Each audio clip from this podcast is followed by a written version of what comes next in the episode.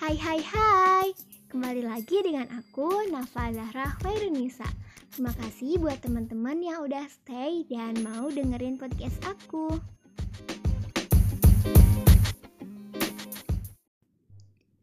Langsung aja nih, aku bacain ya soalnya. Perbedaan antara tasaruf, janji, dan akad. Nah, perbedaannya adalah tasaruf adalah segala sesuatu perbuatan yang bersumber dari kehendak seseorang dan syarok menetapkan atasnya sejumlah akibat, hukum, hak, dan kewajiban. Sedangkan wa'ad adalah mengikat bagian-bagian yang akan dilakukan dengan ijab dan kobul yang sesuai dengan syariah wajib.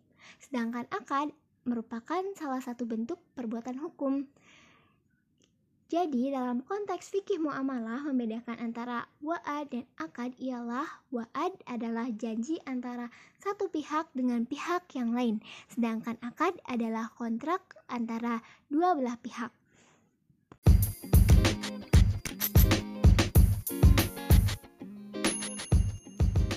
Oke teman-teman, tadi adalah jawaban yang aku ambil dari berbagai sumber. Jadi buat teman-teman yang ingin menyanggah dan menyempurnakan jawaban aku, tentunya boleh banget dong. Dan terima kasih buat teman-teman yang udah stay terus dari awal sampai akhir mendengarkan podcast di episode kali ini. Next, ditunggu di episode selanjutnya. Tetap stay tune.